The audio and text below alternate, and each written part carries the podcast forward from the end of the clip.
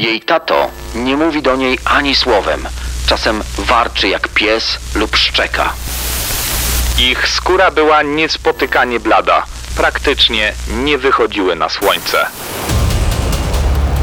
Płatni zabójcy, seryjni mordercy i sceny zbrodni w RMFFM. Czasem zastanawiam się, co nas podkusiło, żeby w scenach zbrodni sięgnąć po tak trudny temat, jak dzisiaj mamy. Jeżeli słuchają tego podcastu rodzice, to y, proszę Was, policzcie, ile razy zadaliście sobie pytanie, jak oni mogli zrobić to swoim dzieciom. Dzisiaj ekstremalne przypadki znęcania się nad dziećmi. Jakby to nie brzmiało, zapraszają Kamil Barnowski. I Daniel Dyk. Daniel Dyk i Kamil Barnowski prezentują sceny zbrodni w RMFFM. Dzisiaj u nas, y, jak to zwykle w scenach zbrodni, też nie będzie zbyt wielu powodów do radości, chociaż nie będziemy mówili wyjątkowo o morderstwach. Dzisiaj jednak o równie przerażającej zbrodni zaniedbania, poniżania, upokarzania, takiej ekstremalnej izolacji i to y, najgorsze z możliwych, bo powiemy o przypadkach znęcania się nad dziećmi. Najgorsze w tym wszystkim jest to, że spotyka to dzieci ze strony osób, którym powinny bezgranicznie ufać, no i czuć się przy takich osobach najbezpieczniej na świecie, ze strony mamy i taty. Dziś źli rodzice w scenach zbrodni. No i właśnie, co mówią y, o tych przypadkach dane statystyczne? Nie natrafiłem na podobny aktualny y, raport z Polski, za to według amerykańskiego Departamentu o długiej i skomplikowanej 13-wyrazowej y, nazwie, w skrócie to jest Departament do Spraw m.in. Dzieci i Rodziny, z raportu wynika, że to matki znęcają się nad swoimi dziećmi dwa razy częściej niż ojcowie. Z drugiej strony, w tym samym raporcie stworzonym dla amerykańskiego rządu, jest jeszcze taki rozdział jak ojczym, macocha, konkubina, konkubent. I w przypadku takich y, przyszywanych rodziców jest zupełnie odwrotnie. Konkubenci znęcają się nad dziećmi swojej partnerki. Jest ich 8 razy więcej niż konkubentek maltretujących dzieci partnera. Dodajmy też, że każdego roku w samych Stanach zgłaszanych jest pół miliona przypadków maltretowania dzieci. Dzisiaj u nas o tych najbardziej ekstremalnych. Mm, zaczniemy od siedmiolatki, którą mama trzymała w ciasnej komórce. No coś nam to przypomina. To ja od razu powiem, że nie, nie o to chodzi. To nie ma nic wspólnego z romantyczną historią słynnego Harry'ego Pottera. To nie magia, to horror, który wydarzył się naprawdę. W scenach zbrodni dzisiaj, no uwaga, źli rodzice. Zaczynamy od historii dziewczynki, która przez 7 lat więziona była przez swoją mamę w ciasnym schowku. Nigdy, przenigdy nie wychodziła z domu. No to ja może zacytuję teraz. Nigdy nie widziałem czegoś tak okrutnego. To powiedział doświadczony policjant, który uwolnił siedmiolatkę z jej więzienia. To był dokładnie 2005 rok. Dziewczynka ma na imię Daniel, jest niezwykle blada. No coś niezwykle rzadkiego jak na stan Kalifornia, jeden przecież z tych, w których wiecznie świeci słońce. Mała Dani jednak nigdy tego słońca nie widziała. Daniel Crockett nie istniała dla świata, nie istniała dla sąsiadów. Sąsiedzi opowiadają, że znali tę rodzinę. Michelle Crockett ledwie wiąże koniec z końcem, mieszka razem z partnerem w zniszczonym, zaniedbanym domu. Razem z nimi mieszkają dwaj dorośli już synowie kobiety. No właśnie, rodzina 2 plus 2. Mama, tato, dwóch synów. A jednak jeden z sąsiadów przysięga, że któregoś dnia w oknie na poddaszu widział małą dziewczynkę. Dosłownie na moment uchylił się taki stary, zakurzony, brudny koc, który zasłaniał rozbite okno i w tym oknie pojawiła się na chwilę maleńka osóbka, tak około pięcioletnia. Sąsiad nawet zastanawiał się, kim mogła być, czy, czy przyjechała do rodziny w odwiedziny. Zwracał też uwagę, czy oprócz chłopaków sąsiadów wychodzi na podwórko także ona, ale nigdy jej nie widział. Może nie miał akurat szczęścia, w każdym razie później o sprawie zapomniał. Natomiast z domu często dochodziły odgłosy awantury. W czerwcu 2005 roku było ją słychać wyjątkowo głośno. Sąsiedzi byli pewni, że musiało dojść do jakiegoś aktu przemocy, dlatego wezwali policję. Na wezwanie odpowiedział funkcjonariusz Mark Holst. Wybrał się tam razem z pracownicą opieki społecznej. Dodajmy, że opieka społeczna znała tę rodzinę, próbowali pomóc, zaglądali pod ten adres kilka razy, ale Michelle nigdy nie wpuszczała ich do domu, zapewniała, że jakoś sobie sami poradzą. My wracamy do tego czerwcowego dnia. Jak opisuje policjant, tego domu właściwie nie powinno się nazywać domem, raczej przypominał oborę. To pierwsze co zapamiętał, a drugie to niezwykle brutalny zapach. Łagodnie to określiłeś, zapach. Odór raczej. Ten policjant miał 18 lat służby. Zdarzało mu się odkrywać w jakimś domu zwłoki, które rozkładały się tygodniami, a jednak tutaj ten odór był bardziej odrażający. Zmieszane odchody ludzkie i zwierzęce, psie i kocie, no właściwie wszędzie, roztarte na dywanach, nawet ściany były nimi umazane. Natomiast w domu nie było prądu, więc atmosfera jak z horroru, wszędzie ciemno. Jak w horrorach robisz krok i słychać takie chrupnięcie rozgniatanych robali. Dokładnie tak to opisał później ten policjant. Nie dało zrobić się kroku, by nie zdeptać jakiegoś karalucha. Michelle, która wielokrotnie wcześniej nie wpuszczała do domu pomocy społecznej, tym razem też nie chciała wpuścić policji, stanęła w drzwiach, domagała się wyjaśnienia przyczyn interwencji i może gdyby trafiło na mniej doświadczonego policjanta, to, to może by ustąpił, ale funkcjonariusz Holst nic sobie nie robił z jej protestów, minął ją i wszedł do środka. Przeszukiwał pomieszczenie po pomieszczeniu i tak trafił na koniec ciemnego korytarza, a tam maleńki, ciasny schowek. W środku na brudnym materacu leżała blada, chuda i prawie naga dziewczynka. Jedyne co miała na sobie to pieluchę. Policjant ostrożnie wziął ją na ręce i wyniósł z domu. Pielucha była tak nasiąknięta, że zaczęło z niej wszystko wypływać. W świetle dziewczynka wyglądała jeszcze bardziej przerażająco. Można było policzyć dosłownie wszystkie kości, rączki, nóżki cienkie jak patyczki, wystające żebra, włosy poskręcane jakby nigdy nie myte, widoczne wszy, ciało pokąsane przez insekty. Dosłownie obraz nędzy i rozpaczy. Teraz pojawiają się najważniejsze pytania. Kim ona jest? Kto jej to zrobił i co z nią dalej będzie? I na te pytania postaramy się odpowiedzieć już za moment w scenach zbrodni w radiu RMFFM.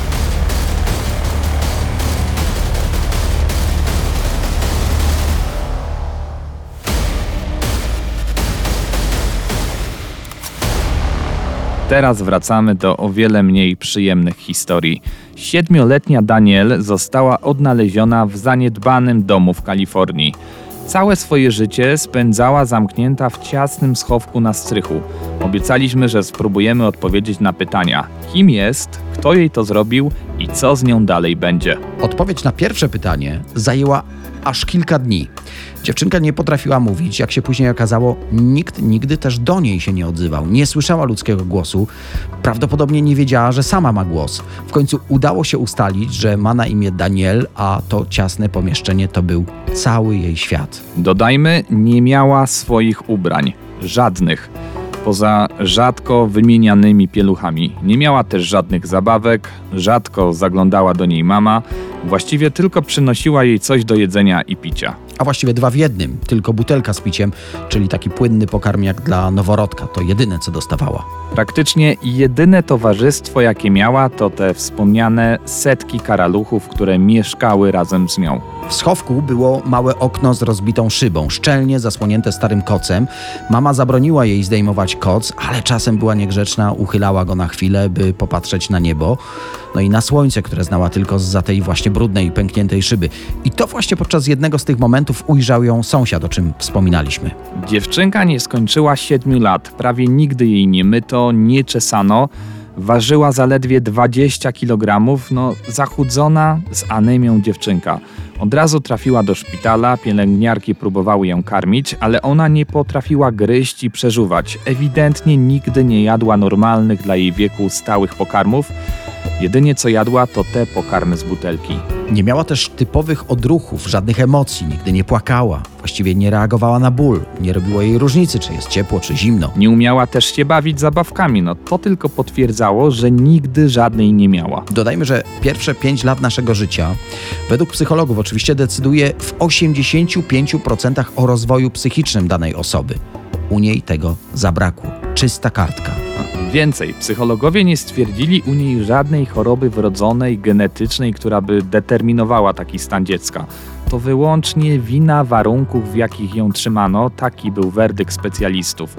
Zero bodźców, kontaktu z innymi, uznali, że nigdy już nie nadrobi tego niedorozwoju. Po miesiącach w szpitalu, gdy z niego wychodziła, jej przypadek był tak głośny w Stanach, że zjawiły się tłumy, by ją po prostu zobaczyć. Teraz czas na odpowiedź na kolejne pytanie. Kto jej to zrobił? I tutaj całą winę za jej stan przypisano matce Dani. Uwaga, Michelle Crockett nie czuła się winna. W wywiadzie po kilku latach powiedziała wręcz, że to ona sama jest ofiarą systemu. Dodajmy, że kobieta nie trafiła do więzienia za to, jak więziła córkę. Groziło jej 20 lat za kratkami, ale jako, że nie chciała się zrzec prawa opieki nad córką, zaproponowano jej układ: zmniejszenie wyroku, jeśli pozwoli rodzinie zastępczej zająć się małą Dani. Za to, uwaga, spędziła jedynie dwa lata w areszcie i to w areszcie domowym. Do tego 100 godzin prac społecznych. No to jeszcze powiedzmy, co dalej z Danii. Przez dwa lata wędrowała po rodzinach zastępczych, w końcu została adoptowana przez małżeństwo poruszone jej losem. Uczyli ją podstawowych i oczywistych jak dla nas spraw, jak mówić, jak trzymać kubek, jak z niego pić wodę, jak rozróżnić, co jest dobre, a co jest złe. Wysłano ją do szkoły, oczywiście specjalnej, gdzie dziewczynka zachowywała się raczej jak dziecko ze żłobka. Chowała się po szafkach, uciekała przed innymi dziećmi. Nigdy nie udało się nadrobić zaległości rozwojowych.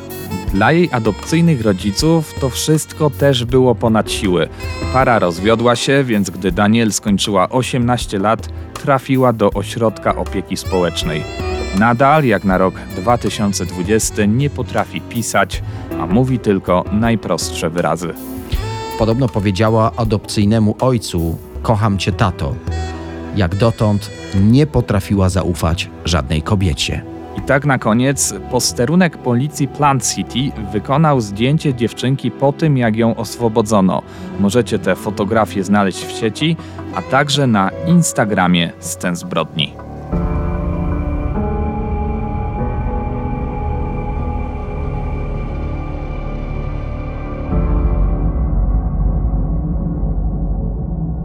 U nas czas na kolejną przerażającą historię z cyklu Jak można zrobić coś takiego własnemu dziecku. To historia Ginny, nazywanej najsłynniejszym dzikim dzieckiem. Choć można się zastanawiać, czy to jej rodzice nie byli na pewno dzicy. Ginny nie jest jej prawdziwym imieniem, dziewczynka nie umiała się przedstawić, więc tak ją nazwano w szpitalu.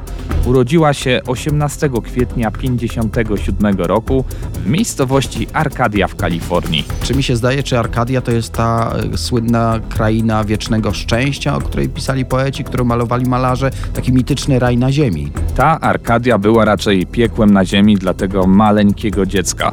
Wyobraźcie sobie, że przez pierwszych 13 lat życia jesteście praktycznie pozbawieni wszelkich bodźców poznawczych. Nikt z wami nie rozmawia, nikt was nie wypuszcza z ciasnego pomieszczenia. Przed chwilą mówiliśmy o przypadku Daniel, bardzo podobnym. Wówczas wspominaliśmy, że pierwsze 5 lat życia decyduje w 85% o rozwoju psychicznym dziecka. No właśnie, i przypadek małej Ginny był jednym z tych, który pozwolił naukowo zweryfikować tę hipotezę dotyczącą tak zwanego okresu krytycznego rozwoju. Ale okrucieństwo, jakiego doświadczyła. Może dwa słowa o rodzicach. Jej tato był mechanikiem lotniczym w czasie wojny. Mama z rolniczej rodziny miała wypadek, wskutek którego ucierpiał jej system neurologiczny, po prostu traciła wzrok. Małżeństwo wydawało się szczęśliwe, ale z czasem mąż stawał się coraz bardziej brutalny. Nie chciał mieć dzieci, więc bił żonę nawet gdy ona była w zaawansowanej ciąży. Ginny była czwartym dzieckiem jej rodziców. Najstarsza córka przeżyła zaledwie 2,5 miesiąca. Zmarła na zapalenie płuc po tym, jak ojciec umieścił dziecko w zimnym garażu, bo za dużo płakało. Drugi w kolejności syn umarł dwa dni po urodzeniu. Trzecie dziecko to syn. On był stale uciszany przez ojca, co wywołało u niego opóźnienie w rozwoju. Opiekę nad nim przejęła babcia, ale ta zginęła potrącona przez kierowcę ciężarówki w trakcie spaceru. Dziecko wróciło więc do rodziców i to akurat wtedy, gdy najbardziej przydał się do opieki nad urodzoną właśnie siostrą. Ojciec jednak winił go, że to właśnie na spacerze z nim umarła jego matka, którą tak kochał. Zaczął e, więc izolować w ogóle rodzinę od świata zewnętrznego. W jego mniemaniu pewnie, tak myślę, w ten sposób ich chronił. Ginny ma 20 miesięcy, praktycznie nie opuszcza łóżka. Jako, że stała się już na tyle ruchliwą osóbką, tato, by nie mieć z nią kłopotu, trzyma ją w kaftanie bezpieczeństwa, związaną w łóżeczku lub przywiązuje ją do czegoś w rodzaju nocnika dla dzieci. Właściwie może ruszać jedynie dłońmi i stopami. Ginny żyje w zupełnej izolacji w ciemnym pokoju. Nie słyszy ludzkiej mowy, jej tato nie mówi do niej ani słowem, czasem tylko warczy jak pies lub szczeka. Gdy ona próbuje coś powiedzieć, bije ją, by tylko się uciszyła. Jej mama ma wyjątkowo słaby wzrok, więc y, do opieki nad dziewczynką ojciec zmusza jej nieco starszego brata. No już się pewnie domyślacie, że to ojciec jest w tym domu panem dosłownie życia i śmierci. Przenieśmy się teraz do roku 1970, kluczowej daty dla tej historii. Ginny ma 13 lat i 7 miesięcy. Dokładnie 4 listopada jej matce udaje się uciec z domu. Zabrała ze sobą dziewczynkę i zgłasza się do opieki społecznej. Trzynastolatka, to podkreślamy, waży zaledwie 26 kg. Nie potrafi wyprostować zdeformowanych od przywiązywania rąk i nóg. Jest niema. Słyszy, ale nie rozumie, co się do niej mówi. Źle reaguje na światło słoneczne, którego praktycznie nie widziała. Nie potrafi też gryźć pokarmów. Wobec takiego okrucieństwa oboje rodzice zostają pozbawieni władzy rodzicielskiej. Tato zostaje wezwany do sądu. W dniu rozprawy nie pojawia się, popełnia samobójstwo. Zostawia tylko po sobie krótki list. Świat nigdy nie zrozumie. Próbowano rehabilitować dziecko, nauczono ją języka migowego, prostych słów, a przy okazji badano jej upośledzenia. Program naukowy się skończył i w 1975 roku Ginny wróciła pod opiekę matki. Jak wiemy, nie umiała się nią zajmować, więc znów trafiła do rodziny zastępczej, a potem do kolejnej i kolejnej. Ewidentnie nie miała szczęścia. Zdarzało się, że jedna z rodzin karała ją za każdym razem, gdy tylko dziecko wymiotowało. Uwsteczniło ją to jeszcze bardziej w rozwoju. Dziewczynka bała się otwierać usta, znów bała się mówić czy nawet jeść. W końcu dorosła i trafiła do ośrodka dla umysłowo chorych. Dzisiaj ma 63 lata. Potrafi posługiwać się językiem migowym, nadal potrafi wypowiedzieć tylko kilka prostych słów.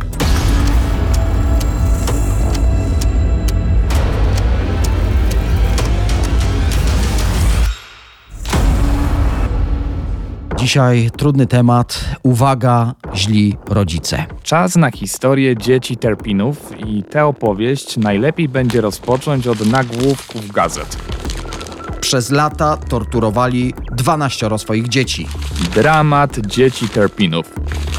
I jeszcze może to kalifornijski dom tortur. 14 stycznia 2018 roku policja w miejscowości Paris, oddalonej około 100 km od Los Angeles, odkrywa prawdziwy dom tortur.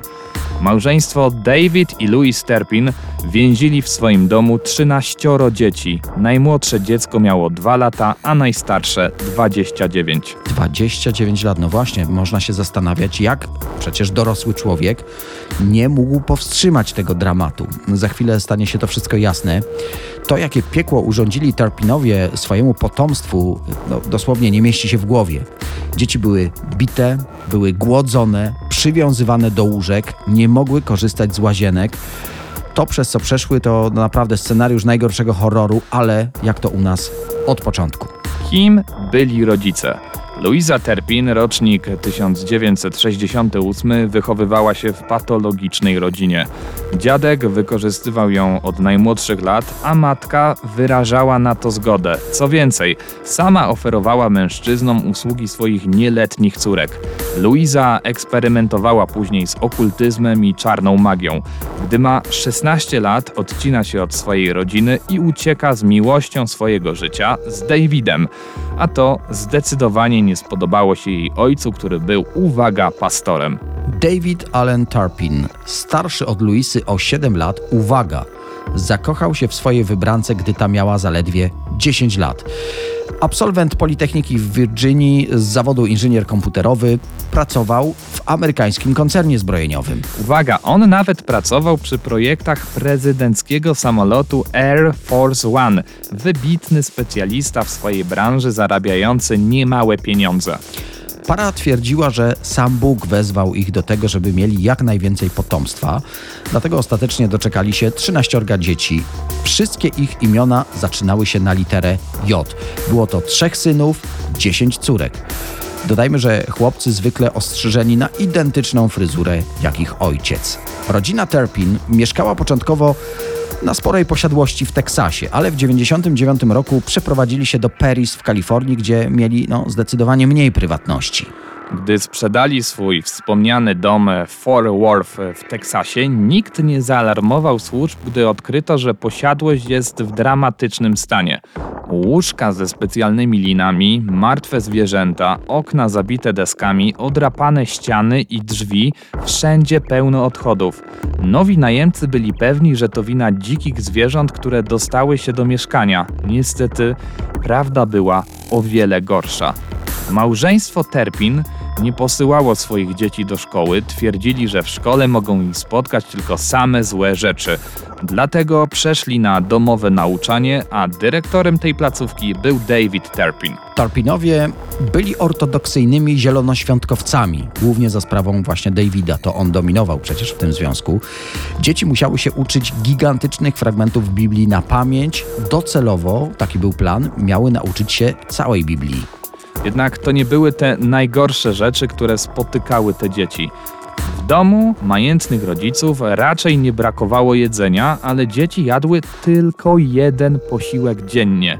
Dodatkowo rodzice dręczyli je kupując słodycze i świeże owoce, zostawiali to wszystko na stole, a umierające z głodu dzieci nie mogły nawet tego dotknąć. Potomstwu Tarpinów przysługiwał nie tylko jeden posiłek dziennie, ale na przykład jeden prysznic w roku. Ręce mogły być myte tylko do nadgarstków. Za złamanie każdej z tych zasad groziła dotkliwa kara, na przykład wielomiesięczne przykucie do łóżka. Dzieci musiały też defilować dosłownie co noc po pokoju, od północy do trzeciej rano. Jeśli chodzi o kontakty z innymi, zachowywały się jak zaprogramowane roboty, które boją się nawet najkrótszej rozmowy z sąsiadami. Według relacji ludzi, którzy mieszkali koło rodziny Terpin, wszyscy zachowywali się jak wampiry. Spali w ciągu dnia, a wieczorem zaczynali życie. To wyglądało jak rodzinna sekta. Dlaczego przez 20 lat nikt nie powiadomił służb, widząc tak przecież niepokojące, wyraźne sygnały? Do tej historii wrócimy już za chwilę w scenach zbrodni. Wracamy do historii koszmaru, które przeżyło 13 dzieci rodziny Terpinów. Małżeństwo przez ponad 20 lat terroryzowało swoje potomstwo. Ostatecznie rankiem 14 stycznia 2018 roku 17-letnia córka Terpinów ucieka z domu i dzwoni pod numer alarmowy. Funkcjonariusze, którzy uczestniczyli w nalocie na posiadłość Tarpinów, spotkali się z widokiem porównywanym do średniowiecznych sal tortur. Dzieci przywiązane do łóżek, inne w pośpiechu uwalniane. Wszędzie niewyobrażalny brud, no i, i fetor. Matka dzieci Luiza była wręcz zniesmaczona, jakim prawem ktoś przeszukuje jej mieszkanie. Dzieci były skrajnie wychudzone. Dla przykładu, 29-letnia córka ważyła 37 kg.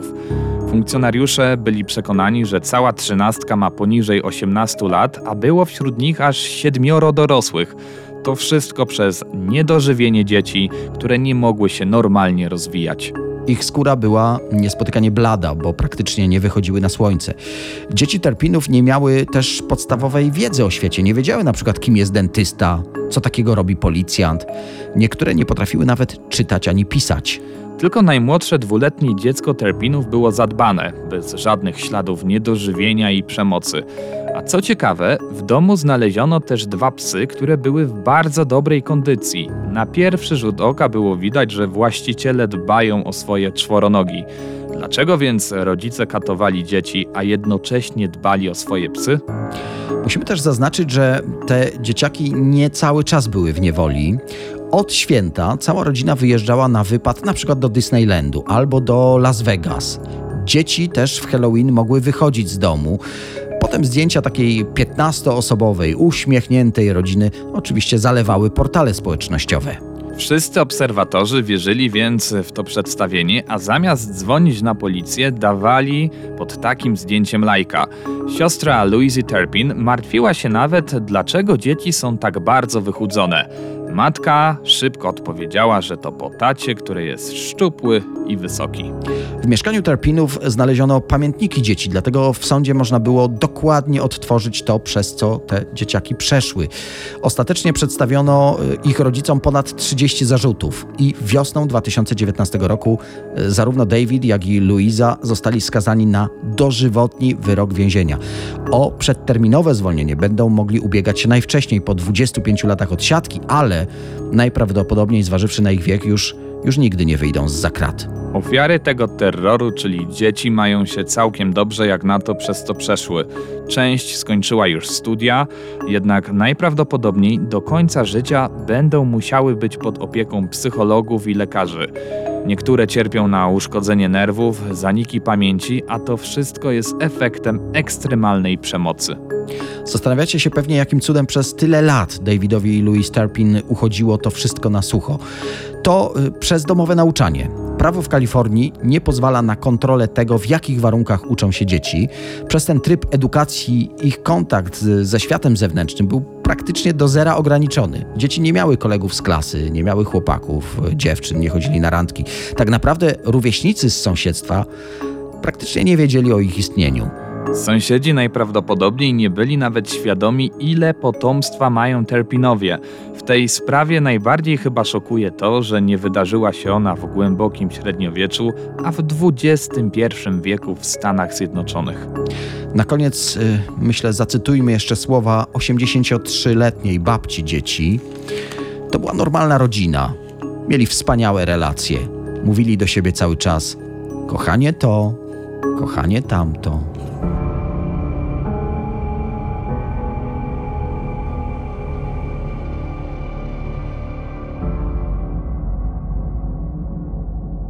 I znowu nam się pewnie trochę oberwie od słuchaczy, że przez te nasze historie nie mogą zasnąć, a tu przecież trzeba iść do pracy jutro, do szkoły trzeba będzie wstać. No, zdecydowanie do poduszki to my raczej nie jesteśmy. Czas na historię Blanche Mounier. Tak, sceny zbrodni teraz przenoszą się do zachodniej części Francji, do malowniczej miejscowości Poitiers, druga połowa XIX wieku. Tutaj razem z matką mieszka Blanche Mounier, wspomniana przez ciebie rodzina generalnie z klasy wyższej, taka elita lokalnej społeczności. Blanche to z kolei zjawiskowa dziewczyna, piękne oczy, długie, kruczoczarne włosy. Miała w życiu wszystko: szacunek ludzi, pieniądze arystokratycznej rodziny i ostatecznie miłość. Blanche zakochała się w starszym od siebie prawniku z sąsiedztwa, para planowała nawet ślub, ale wspomniana matka pod żadnym warunkiem nie chciała się na to zgodzić.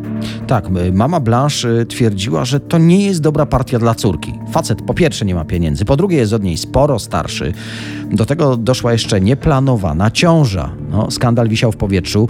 Zdecydowanie nie było to pomyśli Lucy Monnier. Początkowo tylko groziła i karała, ale ostatecznie y, z bratem Blanche postanowili wdrożyć w życie plan, który no, zupełnie wybije dziewczynie ten no, przecież nierozsądny życiowy wybór. Dokładnie zamknęli ją w ciasnym pokoju, w którym był tylko materac.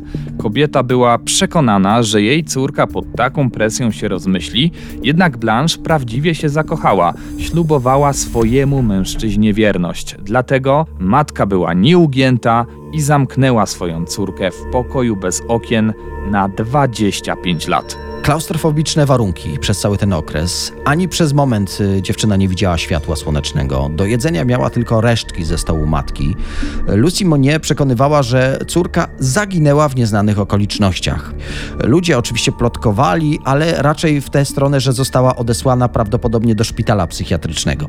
Rodzina Monnier, y, dodajmy i podkreślmy to jeszcze raz, była wysoko usytuowana. Bogaci właściciele ziemscy, no nikt nie ważył się dopytywać, co tam może dziać się z ich córką. Kolejne lata niewoli mijały, w międzyczasie zmarł ojciec Blanche, później jej ukochany i tak ona popadała w coraz większy obłęd. Kto wie, jakby zakończyła się ta sprawa, najprawdopodobniej śmiercią głodową dziewczyny, ale pojawił się anonimowy donos do prokuratury w Paryżu. Funkcjonariusze postanowili sprawdzić ten trop, bo po dziewczynie rzeczywiście nie było żadnego śladu. Podczas przeszukania domu Odkryto wtedy no, już 51-letnią Blanche Monnier. Zacytujmy może gazetę z 1901 roku, która opisała to wydarzenie. W całkowitych ciemnościach i w brudzie nie do opisania na materacu leżała wychudzona postać. Była naga, pokryta jedynie brudem i robactwem. 51-letnia kobieta ważyła zaledwie 25 kg. Wystawały jej kości, była dramatycznej kondycji, cierpiała na choroby serca. Naprawdę nie mieści się w głowie to, jak jej matka mogła jej zrobić coś takiego. Dodajmy, że matce tak naprawdę właściwie wszystko uszło płazem, bo zmarła 15 dni po aresztowaniu. Początkowo w procesie skazano również brata Blanche, ale ostatecznie, mimo y, jego win, został uniewinniony. Niektóre źródła podają, że, że miał problemy ze wzrokiem i węchem, i to były te okoliczności łagodzące. Wiele wskazuje też na to, że to właśnie brat Blanche, Marcel, wysłał ten anonim do prokuratury. On wiedział, że matka niedługo umrze i chciał niejako oczyścić się z zarzutów. Według innej wersji autorem listu y, jest żołnierz, który odwiedzał służącą rodziny Monie. Mimo uwolnienia z domowego więzienia, Blanche cierpiała dalej. 25 lat terroru, no to musiało pozostawić ślad. Kobieta chorowała psychicznie, resztę życia spędziła no, tak naprawdę w szpitalu psychiatrycznym. Blanche czerpała ogromną przyjemność z oddychania świeżym powietrzem, z możliwości kąpieli. Nie miała tego przez ćwierć wieku, więc nie ma się czemu dziwić. Zmarła w 1913 roku, 12 lat po uwolnieniu z maleńkiego pokoju, w którym uwięziła ją matka, ponieważ nie spodobał się jej wybranek córki. Mimo tak bardzo trudnego tematu, dziękujemy Wam, że wysłuchaliście do końca 54 odcinka Scen Zbrodni. Tradycyjnie możecie wysyłać nam na Instagramie Wasze propozycje tematów. Kto wie, może odcinek 55 będzie właśnie o tym. Myślę, że będzie na pewno łatwiejszy, no bo trudno wymyślić jakiś cięższy temat. Yy, Bardzo serdecznie też polecamy wcześniejsze 53 podcasty. Kto wie, jaka historia na Was zrobi największe wrażenie. Warto to sprawdzić. Yy, Zapraszają Daniel Dyk. I Kamil Barnowski. Sceny zbrodni w RMFFM.